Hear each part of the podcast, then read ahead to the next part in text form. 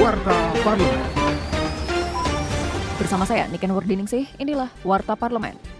Ketua DPR RI, Puan Maharani, mengajak insan pers untuk ikut mengawal proses pemilu 2024 sehingga publik tidak terjebak dengan berita-berita yang menyesatkan. Puan mengajak insan pers untuk mengedepankan profesionalitas dengan selalu objektif, bebas dari pengaruh pihak mana pun, serta jujur dan loyal terhadap rakyat. Ia menegaskan masyarakat berhak mendapat informasi akurat terkait penyelenggaraan pemilu.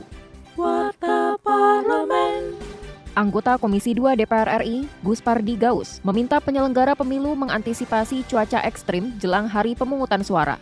Saya yakin dan percaya KPU sudah melakukan persiapan-persiapan untuk mengantisipasi cuaca yang tidak bersahabat pada pelaksanaan pemilu di 2024 itu. Mudah-mudahan kita berharap tidak ada kendala, begitu juga dengan daerah-daerah terpencil. Bisa saja di suatu TPS atau beberapa TPS terjadi kegagalan dalam pelaksanaan karena banjir, bencana alam. Itu memang ada aturan yang mengatur, ada pelaksanaan PSU. Artinya masyarakat insya Allah tidak dirugikan. Informasi selengkapnya kunjungi laman dpr.go.id.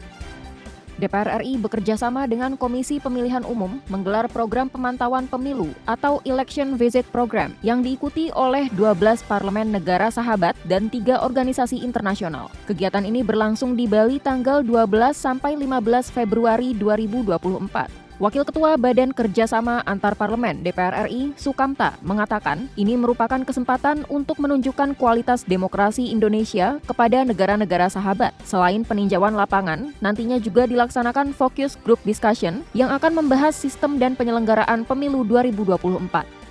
Televisi Radio Parlemen. Demikian Warta Parlemen, Produksi Televisi dan Radio Parlemen, Biro Pemberitaan Parlemen, Setjen DPR RI.